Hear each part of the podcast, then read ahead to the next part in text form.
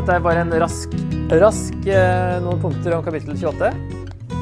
Og så skal vi egentlig se på 28, 29 og 30, for her skjer det noe veldig interessant. Med, fra forfatterens side, som gir oss eh, et godt poeng. OK, men først det her. Eh, og da oppdaga jeg plutselig at i Hannas sang i starten, 2.6, så sa hun at han sender ned til dødsriket, og han fører opp igjen. Så eh, er det også et sånn frampek, et profetisk frampek om at det her kommer til å skje. Hvem vet? Altså det her, altså Uansett, Gud fører jo opp fra dødsriket i litt større eh, forstand da, enn bare Samuel. Men det skjer jo faktisk rent konkret her i, i historien. Her er det liksom annerledes fordi Samuel kommer opp igjen, og så går han ned igjen til dødsriket. Um, og her har jo Saul eh, sjøl, kanskje når han var litt mer på nett med Gud, drevet ut av landet dem som mante fram gjenferd og spådomsånder, står det i vers 3. Og så bryter han sitt eget bud, eh, for han blir så redd når han ser filisterhæren. Han ble redd, og hjertet hans skalv, står det i vers 5. Så han er ganske skjelven her. Han er kanskje bare eneste stedet han er enda reddere, er vel etterpå, når Samuel har sagt at han kommer til å dø står det i vers 20. Da kom det slik redsel over ham at han falt til jorden så lang han var. Han var helt utmattet, for han hadde ikke smakt mat hele dagen og hele natten. Så da ble han så redd han bare datt og ble, liggende. Men her er Saul på sitt reddeste da, i kapittel 28. Og her har han eh, Gud svarer ikke. Eh, han blir så redd, og så står det han ba Herren om råd i vers 6, men Herren svarte ham ikke, verken i drømmer eller ved Urim, denne steinene som øverstepresten Urim og Tumim. Her står det 'hellig gjenstand som ble brukt til loddkasting for å finne Guds vilje'. Andre Mosebok 2830. Det er noe med den prestedrakta, tror jeg. Derfor står det efoden. At uh, få efoden hit, så skal vi høre hva Gud sier. Så det er litt sånn Og det virker som at Gud svarer mest på ja- og nei-spørsmål. Så det var kanskje sånn, sånn de stilte 'Skal vi dra dit?' Og så svarer Gud ja. Kommer Saul dit? Ja. Kommer de til å utlevere meg? Ja. Men det er sånn måten Gud svarte på, gjennom presten, gjennom prestedrakta og de her steinene. Og så eh, virker det som Som regel så er det lukkede spørsmål, som det heter. Altså som kan svare ja eller nei på. Men han svarte ikke Saul. Han svarte ikke gjennom eh, drømmer gjennom, eller, eller ved Urim, eller gjennom profeter. Han har jo akkurat drept alle prestene. Litt tidligere. Eh, Samuel er død. Og eh, han får liksom ikke noe svar noe sted, og noe av det er jo hans egen skyld. da. Og han burde også skjønt altså, ok, det er en grunn til at Gud ikke svarer meg. Og skjønt at han var ute på tur. Men det har han liksom ikke helt innsett eller innrømt. Og så er det da han sier 'finn en kvinne til meg som kan mane fram gjenferd', så vil jeg gå til henne og rådspørre henne. Så gå imot sitt eget forbud, da, som sagt, om at eh, han hadde jo egentlig jagd ut alle disse her, og det var, skulle være forbudt. Og det sier jo Moseloven òg. Ikke driv med sånne ting. Og så er det det som skjer her, er jo litt rare, da. Altså eh, Litt interessant at hun dama sjøl skriker til når hun ser Samuel. Betyr det at eh, det her var mer enn hun hadde forventa også? Var hun egentlig en litt sånn juksemaker, eller, eller eh, pleier det ikke å skje så voldsomt som det her? I hvert fall så skvetter hun sjøl, da. Når, Samuel, når, hun ser Samuel, og så vet vi ikke helt hva som skjer her, for det er hun som ser Samuel. Saul spør 'hva ser du?' Og så beskriver du Samuel. Å, da er det Samuel. Og så skjønner hun også at da er han Saul. Så det er noen ting som ikke er med i historien. Men vi skjønner liksom poenget, da. Men her er det da ingenting som tyder på at dette ikke er Samuel selv. Han snakker akkurat sånn Samuel gjorde, bruker navnet Javé, altså på Gud, Herren, og kommer med en sann profeti om framtiden. Om at Saul, og, uh, Saul kommer til å, til å dø. Saul og sønnene, er det han sier. I morgen skal du og sønnene dine være hos meg. Ironisk nok. Men Samuel er ikke der nå, så han kan ikke få noe svar. Det som er så rart, altså Gud svarer ikke, men han, han går til Samuel. Han har liksom ikke skjønt at uh, det Samuel sier, er fra Gud. Virker det som. Og så tror han at det å gå imot loven og mane fram si, en, eh, en gjenferd og, uh, på en eller annen måte, er greit fordi han skal høre fra Gud. Så han, han har ikke helt skjønt sammenhengene her. Første krønikebok 10, i en oppsummering av Saul, sier at slik døde Saul fordi han hadde vært troløs mot Herren og ikke holdt Herrens ord. Han hadde også rådspurt gjenferd, men ikke søkt råd hos Herren. Derfor lot Herren ham dø, og lot kongedømmet gå over til David Isais sønn. Så det her er noe Det blir så, det er så alvorlig det her at det kommer på rullebladet hans som noe av det største feiltrinnet han gjorde. Som nevnes i denne oppsummeringa her. Så egentlig bare troløs, ikke holdt Herrens ord, og gjenferd. um, men så er dette Ja, det som sies da om hvor han kommer fra, som du spurte om Sheol og sånne ting, så han sier jo bare 'opp av jorden'. Altså hun sier at uh, hun ser hun kommer opp av jorden. Og Samuel sier at han har blitt forstyrra og henta opp. Så sies ikke akkurat, bruker ikke noe navn på dette stedet, men det er jo graven, det er jo Sheol, altså dødsriket. Så sies det ikke så mye mer hvordan det er der. Det høres ut som han egentlig sover. på en måte. Hmm? Ja, noe sånn sover med fedrene ikke sant? Eh, og venter på dommens dag, på en måte. Men blir henta opp igjen, og så går han ned igjen. Men det er en veldig merkelig greie, dette her hva som skjer. Men i hvert fall, det var en kjempetabbe da, av Saul. Og det er ikke umulig, selvfølgelig, at sånt skjer. Men eh, det er ikke så ofte i Bibelen heller at sånt skjer. Og Sheol, graven, er jo som sagt et nøytralt sted, dødsriket. ikke sant? Dit skal alle som dør. De skal til dødsriket. Det høres ut som det skjer noe mer der på norsk. Dødsriket. For ordet Sheol betyr bare graven. Men det som er interessant her, da, det er I de kapitlene her så eh, er ikke de er ikke helt kronologiske. Og det er da veldig spennende å se på hvorfor ikke. Um, Saul er jo kjemperedd her, um, og det sto i vers 4 at um, Filisterne samlet seg, dro til Sjunem og slo leir der. Saul samlet hele Israel og slo leir på Gilboa-fjellet. Sjunem er her, og Gilboa er her. Så de er jo liksom her oppe, eh, klar til å ha en kamp. I vers 4. Eh, så leser vi i 29.1, etter den hendelsen med hun herre som kommer opp fra, når Samuel kommer opp, så står det filisterne samlet alle hærene sine i Afek, mens israelittene slo leir ved kilden i Israel. Israelittene er fortsatt her oppe, men filisterne er i Afek, og det var den nordligste filisterbyen. Sånn at det virker som vi går litt tilbake i tid. Fordi vi også skifter eh, fra Saul til David. Og David er jo med filisterne. De er på vei oppover til å møte israelittene her oppe.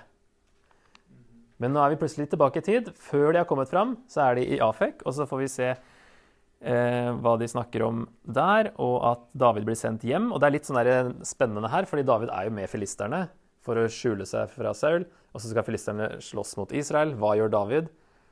Og så er det da på en måte heldigvis noen av de andre høvdingene som ikke vil ha med David, i tilfelle han plutselig skifter side.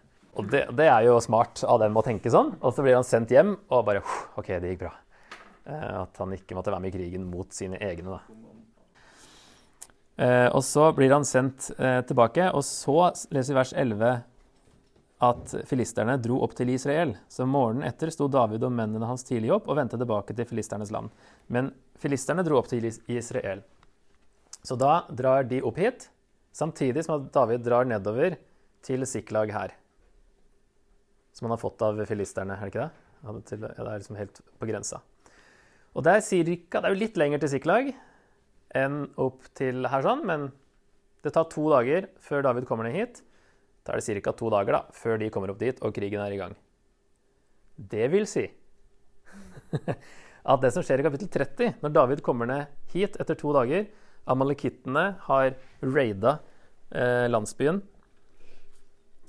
da hadde amalekittene gått til angrep på Negev og Siklag. Siklag hadde de plyndret og brent ned. Kvinnene og alle som var der, både små og store, hadde de tatt til fange. De drepte ikke noen, men de drev dem foran seg da de dro sin vei.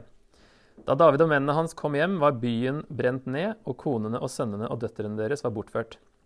De brast i gråt, både David og krigsfolket som fulgte ham, og de gråt til de ikke orket mer. De to konene til David, Ahinoam fra Israel og Abigail, som hadde vært gift med Nabal fra Karmel, var også ført bort. Selv var David i stor fare, for krigsfolket truet med å steine ham. Så bitre var de eh, alle fordi sønnene og døtrene deres var ført bort. Så her kommer de etter to dagers eh, reise. Eh, ser at det er ingen igjen her. Amalekittene har vært her. Og David blir trua med å bli steina. Så David møter på en stor krise samtidig som israelittene kommer opp her, og Saul får se dem og blir livredd og drar til hu herre spåkvinne. Sånn at det skjer samtidig. Kapittel 28, kapittel 30 skjer samtidig. David og Saul Skal vi se, bare klikke meg gjennom her, da. De punktene her da, som vi har sett på nå, 28.4, 29.1 og 29.11, viser at kapittel 28 og 29 ikke er kronologiske. Hvorfor velger forfatteren å gjøre dette? David kommer til Siklag, 30 vers 1, ca. samtidig som filisterne kommer til Israel, som er altså oppe ved Sjunem som det sto først at de var. Saul blir da redd og drar til Endor, kapittel 28. Davids krise, kapittel 30, skjer ca. samtidig med Sauls krise, kapittel 28. Hvordan reagerer de i en dyp krise samtidig? Det er det som settes, eh, settes opp. Kronologien følges ikke fordi forfatteren vil få fram kontrasten mellom Saul og David. Så han går litt tilbake, så ser David på vei opp, og så kommer David ned dit, og så kommer denne historien Eh, egentlig kapittel 28. Så hvis vi sammenligner det her, da Krise, krise, ikke sant? Saul er i krise, David er i krise. Saul blir redd når han ser filisternes hær, og hjertet hans skalv, står det. David er sliten, fortvila, og de truer med å steine han. De har jo reist i to dager. Eh, brast i gråt til de ikke orka mer. Da er du i hvert fall sliten. Når du har grenet så lenge. så mye. Eh, løsningen, det er det som er litt forskjell her, da. Hva gjør Saul? Han søker råd hos Gud, men deretter råd hos en spåkvinne da, for å få tak i Samuel. Hva gjør David? Det kommer her i neste avsnitt. på en måte her. Det er jo samme verset i vers 6, men uh, i denne oversettelsen har de lagd et nytt avsnitt. Men David søkte styrke hos Herren sin Gud, står det i vers 6. Um, og det gjør han kanskje før han søkte råd hos Gud, fordi det skjer etterpå. Han sa til presten Abiatar, sønn av Ahimelek, kom hit med efoden.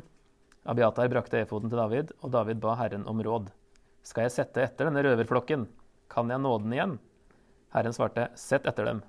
Du skal nå dem igjen og berge det de har tatt. Så før han spør Gud hva skal jeg gjøre, så står det en liten setning at han søkte styrke hos Herren sin Gud. Og det så vi i stad òg i 23 at Jonathan kommer og hjelper han, å si. Um,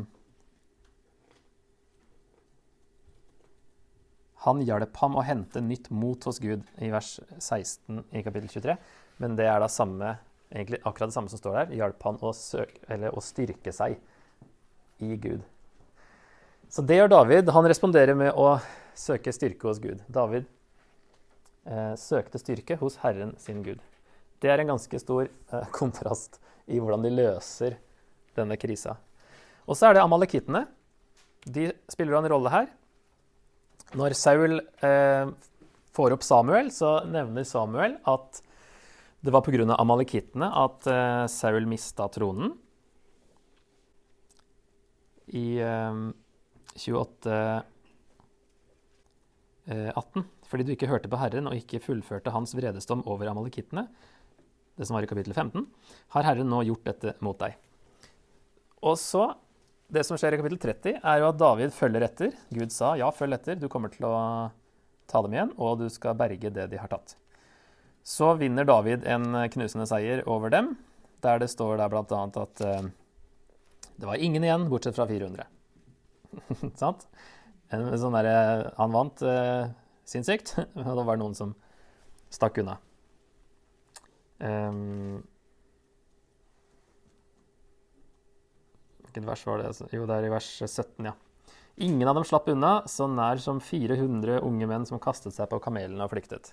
David berget alt det som amalekittene hadde tatt. Så David på en måte fullfører denne dommen som Saul mista tronen fordi han ikke gjorde det. Så fullfører David det. Så det er òg en kontrast her med amalekittene, som nevnes av Samuel, og som er grunnen til at David havner i en krise her. Så hva sier det oss om relasjonen til Gud for disse her to? Har Saul en relasjon med Gud? Nei, ikke stort. Han søkte svar, men ingen relasjon. Han er ikke i stand til å finne ut Guds vilje lenger. David ja. Relasjonen ser ut til å komme før svaret. Han søker stadig råd hos Gud utover. Så det her syns jeg er um, veldig interessant. Og når, vi, når, kronologien brytes, er det veldig interessant å se hvorfor. Og så får man en kontrast. At de er i en krise samtidig. De reagerer veldig forskjellig. Og det sier oss noe om relasjonen som de um, hadde med Gud. Men eh, Jo, så i formidling så er det jo når du skal ha historiske bøker, så er det jo et punkt vi skal finne liksom the road to Christ. Finne hvordan dette her peker fram til Jesus. Det er alltid en vei til Jesus, uansett hvor du er i Bibelen og i, i, i Gammeltestamentet. Um, sånn at jeg bare tok noen av de punktene fra David. da. David er sliten, fortvilet og truet med steines. Søker styrke hos Gud og søker relasjon med Gud, de som vi konkluderte med. Så um, kom jeg i hvert fall på, da. Det er raskt noen punkter. Det er sikkert mye mer som kunne vært tatt på der. Men at uh, Jesus kom i dødsangst. Så svetten falt som bloddråper ned på jorden. Der er han på sitt uh, største krise. Uh, svetter, eller er så redd at han svetter blod. Da er du utrolig redd. Og han ber inntrengende, står det. Men han, eh, han, ber jo da ja, om det er mulig, så la dette gå forbi. Men eh, min, ikke min vilje, men din vilje. Um, og det at David søker en relasjon med Gud, så kan vi si at Jesus gjør den relasjonen mulig for alle. Så der overgår jo han David kraftig, da. for at han snur det litt. Um, så det er sånn bare for å, for å, huske på den linken, da, at, uh, ikke minst at David peker på Jesus, men at også alt egentlig peker på Jesus, men, men spesielt David. Um, så kan vi prøve å huske på det. Og da er det veldig lett å bare hoppe over til oss. da. Hvor går du når livet er tungt? Um, går, du, går du til TV-en? Til senga? Til eh, trening på shopping, eller blir du bare likegyldig? Jeg kjenner meg ikke helt igjen i shopping, men jeg kan kjenne meg igjen i det andre. um, er troen en såkalt krykke, som det var for Saul, som, uh, og du ber bare når du trenger hjelp? Eller har du en relasjon med Gud, som David, og går til Gud i alle situasjoner, men ikke først og fremst for å få svar? For da blir det litt sånn krykke, sant? hvis du bare ber for å få svar. Eller går det som David som søker styrke i Gud, og etterpå så spør han hva skal jeg gjøre. Jeg syns det er veldig interessant. Og et tredje her hva gjør du når du ikke er i humør til å be? Eh, David hadde hele livet prioritert sin relasjon med Gud. En mann etter Guds hjerte vil søke en relasjon med Guds hjerte, kan vi si. Han eh, har eh, Det var veldig naturlig for David å gjøre det her i en krise, fordi han hadde gjort det hele veien. Og vi ser David gjøre dette i mange personlige salmer som handler om å søke styrke hos Gud. Kanskje han ba noe lignende. Salme 25. Det passer. Da, nå står det ikke, det er ikke det sånne historiske salmer, men eh, han ber jo veldig mye likt, da, på en måte. Så kanskje han ba noe sånt som at eh, Herre, jeg løfter min sjel til deg. Eh, og i vers 16 Vend deg til meg og vær meg nådig, for jeg er ensom og hjelpeløs. Han følte seg sikkert litt ensom når alle folket prøvde å steine ham. Og i 142, vers 2-4 Ehm, jeg roper høyt til Herren, jeg ber til Herren om nåde, jeg øser ut min klage og forteller ham om min nød. Når min ånd blir svak, kjenner du min sti. Så det er bare sånn herre øse ut. Altså sånn jeg eh, Han åpner jo ikke de salmene her heller ofte da med å si 'hva skal jeg gjøre', men han bare klager og, og går til Gud med tingene. Eh, og så for å linke det til eh, gjøre det tidløst med Nytestamentet, da, så sier jo Paulus be uavbrutt. Be alltid. Be stadig. Eh, legg alt dere har på hjertet framfor Gud. Alt makter jeg Han som gjør meg sterk. Og i hebreerne så står det For Gud har sagt, jeg svikter deg ikke og forlater deg ikke. Derfor kan vi tillitsfullt si, Herren er min hjelper, jeg frykter ikke. Så hvor går vi?